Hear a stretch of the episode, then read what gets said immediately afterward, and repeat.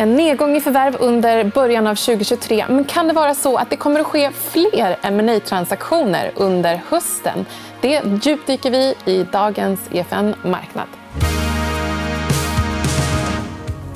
Med oss i studion har jag med mig Jan Olsson. Du är Nordenchef på Deutsche Bank. Är det så att eh, våra nordiska bolag är väl positionerade för förvärv just nu? Eller vad tror du? Ja, jag tycker ju så här att Norden och Sverige är en del av världsekonomin. Och trenderna kommer ju framför allt från USA. Det är där vi ser de stora trenderna. Och det är mycket som händer där på ma marknaden på finansieringsmarknaden. Det är inte alltid positiva trender, men det finns en hel del positivt. Och det är det som återspeglar bilden i Europa, i Norden och i Sverige. Så vi ser en rätt aktiv marknad. Jag vet att media och så vidare beskriver marknaden som rätt trög, rätt svår. Men vi ser en del aktiviteter. Och vi ser också att under sommaren och nu i augusti, september här börjar man också tala om affärer på ett annat sätt än man gjorde under första halvåret. Så vi ser en rätt positiv utveckling i alla fall i affärsvolymerna. Och då talar jag corporate finance som helhet, inte bara M&A. Det är jättespännande att faktiskt se att man ser potentialen i den nuvarande marknaden. Eh, vi i Sverige, har ju en, eller Norden, har ju en benägenhet att faktiskt utgå från vilka vi själva är. Vi tror att vi är liksom Nordens Silicon Valley, eller hur vi brukar benämna oss. Men du menar att eh, det, det är faktiskt inte, vi, har, vi kan inte kontrollera så mycket av det som sker? Eh, mycket kan man inte kontrollera och mycket kan man kontrollera. I Norden har vi en mycket stark eh, bas. Industrin är rätt stark och har varit stark under många, många år. Och vi ser att de trenderna fortsätter. Så jag är inte alls orolig för svenska bolag. Vi ser ju att vi har en väl fungerande aktiemarknad, en väl fungerande finansieringsmarknad. Så bolagen här är ju rätt starka. Vi såg ju andra kvartalet nu, kvartalsrapporten kom in i juli det var ju inte så farligt. Det gick ju rätt bra för de flesta bolagen. Nu säger jag inte helheten, det finns ju alltid de som sticker ut. Men helheten var inte så svag. Och sen har ju börsutvecklingen varit rätt så stark under 2023. Vi ser ju att Dow Jones är, nära 30, eh, är över 34 000. Ja, höjdpunkten, eller all time high, var väl vid 36 000, 35 36 000. Så vi är inte, det ser ju inte katastrofalt ut på marknaden. Jag tar Dow Jones bara som ett exempel, men det finns många andra exempel också. Du säger att det finns positiva signaler. Inom vilka segment eh, jag skulle säga mycket inom de traditionella segmenten. Där häver jag fram framförallt läkemedelsindustrin, energiindustrin, men också inom finans. Nu talar jag inte om stora banktransaktioner eller finanstransaktioner, men i det mellanstora segmentet, det är där det finns affärer. Och sen um, kanske också inom um, media, telekom, och där ser vi affärer. Så det är de fyra sektorerna som skulle häva fram här just nu. Mm. Om vi tittar på eh, de första månaderna då, så var teknik, media och telekom eh, de starkaste sektorerna i Norden. Så det stämmer ganska bra överens med med varav, eh, eh, vad tror du om liksom, till exempel fastigheter som har varit i en ganska skakig, turbulent tid?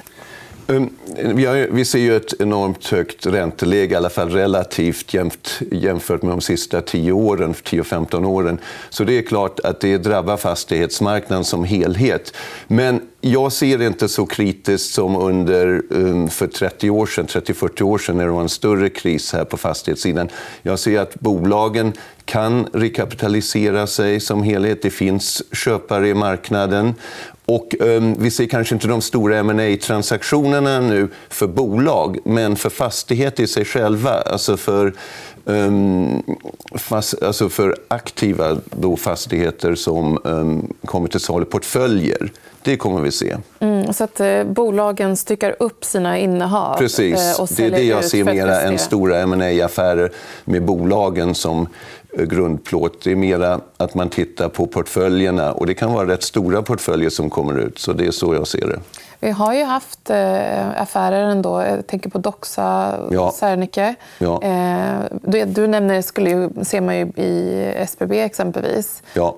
men, men, jag kan inte gå in i enskilda första det här, men mm. helheten är så att jag ser att det finns möjligheter och lösningar på det hela. Jag ser det inte så där nattsvart som man ser i media ibland. Så, eh, du nämnde några affärer här och vi har ju sett några lösningar på vägen till en helhetslösning. Så det är så jag ser det. Och jag går inte in i enskilda firmor här, men helheten är så att vi jag ser en möjlighet här ur den här, eh, jag kallar det inte en kris, men det är en nedgång mm. i värderingarna. Mm. Eh, finans nämnde du också. Ja. Eh, vad driver på den? Eh, är det liksom den starka ekonomiska... Det blir med högre räntor och så vidare som, som gör att, eh, att bankerna till exempel ser sig om efter nya möjligheter? Det är så här, ehm, högre räntor har ju traditionellt sett varit bra för bankerna. Och ehm, då finns det naturligtvis för de större finansinstituten som banker, men det är ju inte bara banker. Vi ser Ehm, det finns ju försäkringsfirmor, pensionsfonder. Det finns ju möjligheter där för dem att köpa eller titta på mellanstora banker eller finansinstitut. Så det är det jag menar. Att det, det är inte, jag ser inte de stora fusionerna här i Europa på bankmarknaden, därför det är mer komplicerat. Men i det mellanstora segmentet där ser jag möjligheter för affärer också på finanssidan. Är det också ett sätt för, för bankerna att eh, tillvarata innovation som sker i de mindre bolagen? Absolut. Och Sverige och Norden är framförallt mycket framgångsrika på det området. Och det finns ju många intressanta mellanstora finansinstitut eller finansfirmor här. Mm. Om vi zoomar ut eh, och tittar på transaktioner som skett kvartal för kvartal eh, och så långt tillbaka som till 2019 ja. så finns det data som ändå visar att vi är absolut på en lägre nivå än på toppen liksom efter pandemin.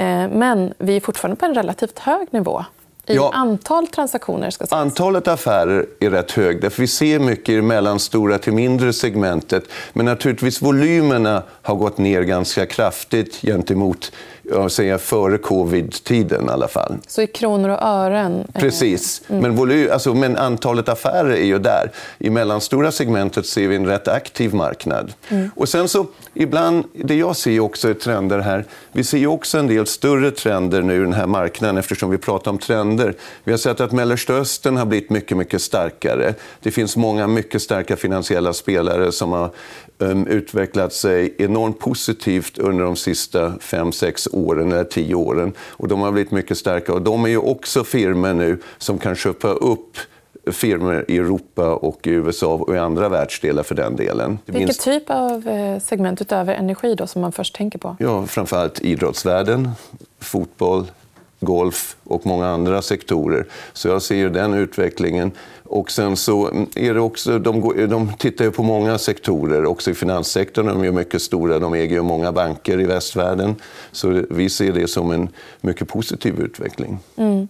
Eh, om man tittar på eh, transaktionsmarknaden, eller de liksom, transaktioner som skulle vara i behov av lånefinansiering. Eh, hur påverkar det eh, köp, potentiella köp? För det, det måste ändå slå hårt till en, till en eh, köpeskilling. Först och främst, ehm, de större firmorna, då talar vi om de multinationella firmorna och framförallt de som är listade på börsen eller de privata firmorna. De kan ju refinansiera sig på marknaden och där ser vi rätt höga volymer också under första halvåret på obligationsmarknaden och andra typer av finansieringar. Det har blivit lite tuffare i det här mellanstora segmentet och um, om ratingen är lite svagare, då är det naturligtvis svårt att refinansiera sig, eller svårare att refinansiera sig. Det är inte omöjligt, men det är svårare. Och sen är naturligtvis räntorna högre i det segmentet också. Mm. Om vi eh, tittar tillbaka och utgår från liksom våra, våra svenska ögon. Vi oroar oss för den svenska kronan eh, ja. i dagens läge. Ja. Det, det, kan alla ta till sig. Ja. Eh, men utåt sett, från ett internationellt perspektiv, så torde det vara intressant då att faktiskt titta på de svenska bolagen och köpa nu. Nu är det så att man inte sitter i New York och London och tittar på svenska kronan och tittar på bolag på grund av kronan är svagare. Det kan vara ett element, det kan del i hela um, liksom analysen. Men man tittar framförallt om bolagen är intressanta. Och det finns många intressanta bolag som har en viss teknik, eller en viss historia eller vissa produkter. Så det är mer så man analyserar det. Och jag skulle inte sätta hela värderingen på en svag krona. Och det är absolut inte så det fungerar. Mm. Eh, vi har också sett eh, liksom inom, inom media, eh, alltså både köp bakom kulisserna. Tror du att det också kommer att växa? Jag tänker som ett exempelvis Bonnier har ju köpt Readly bland annat och, och Breakit. Nu har de inte. Breakit noterat, men Mediebranschen som alla branscher, det finns många starka spelare och du nämnde några här. Och de har naturligtvis möjligheten att expandera den här marknaden och köpa upp andra bolag. Och vi kommer se mycket av det under, i alla branscher, inte bara i mediebranschen. Utan möjligheterna finns i en sån här marknad. Möjligheterna är enorma. Och, och vi, jag såg en För den som har pengar? Precis, och det är många som har eh, finansiella resurser. Och det är ju de som tittar på möjligheter nu. Och de bästa förvärven, och vi haft, jag såg en statistik igår faktiskt för att förbereda mig på det här. De bästa förvärven är i en lägre konjunktur. Därför då köper de starkare de svagare. Och ofta finns det då, och svagare i anföringstecken. Men um, de större bolagen har enorma resurser nu. Och det finns så många intressanta bolag som är lite mindre som man kan köpa upp. Så jag ser en enorm tillväxt i just den typen av affärer. Mm. Har du några andra spännande spaningar för de kommande månaderna? Ja, jag tror ju att internationaliseringen kommer fortsätta. Och det eh, går lite tvärt det man ser i media ofta. Det är ju en, eh, ofta visar man att bolagen drar sig tillbaka. Men jag ser att världsmarknaden är mycket viktig. Den kommer vara mer viktig. Och den trenden kan man inte bryta. Mm. Om man tittar på till exempel, eh, nu nämner jag eh, Northvolt till exempel, eller Volvo lastbilar. Alltså man, man bygger fabriker i Sverige men man har fortfarande en internationell exportmarknad som man riktar in sig mot. Absolut. Och sen så bygger man inte bara firmor och fabriker i Sverige. Många av de här firmorna bygger internationellt också.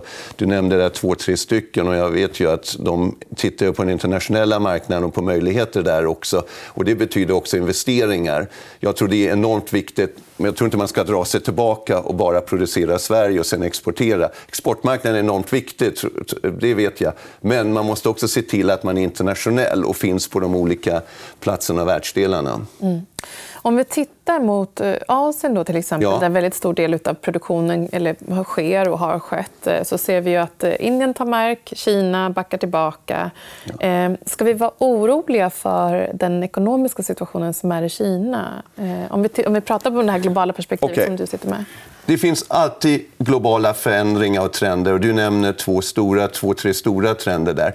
De sista 20 åren har alla pratat rätt negativt om USA, ut, USAs utveckling. Den har ju varit fantastisk nu om man tittar på börsen, på bolagen, hur dominerande de är i många branscher.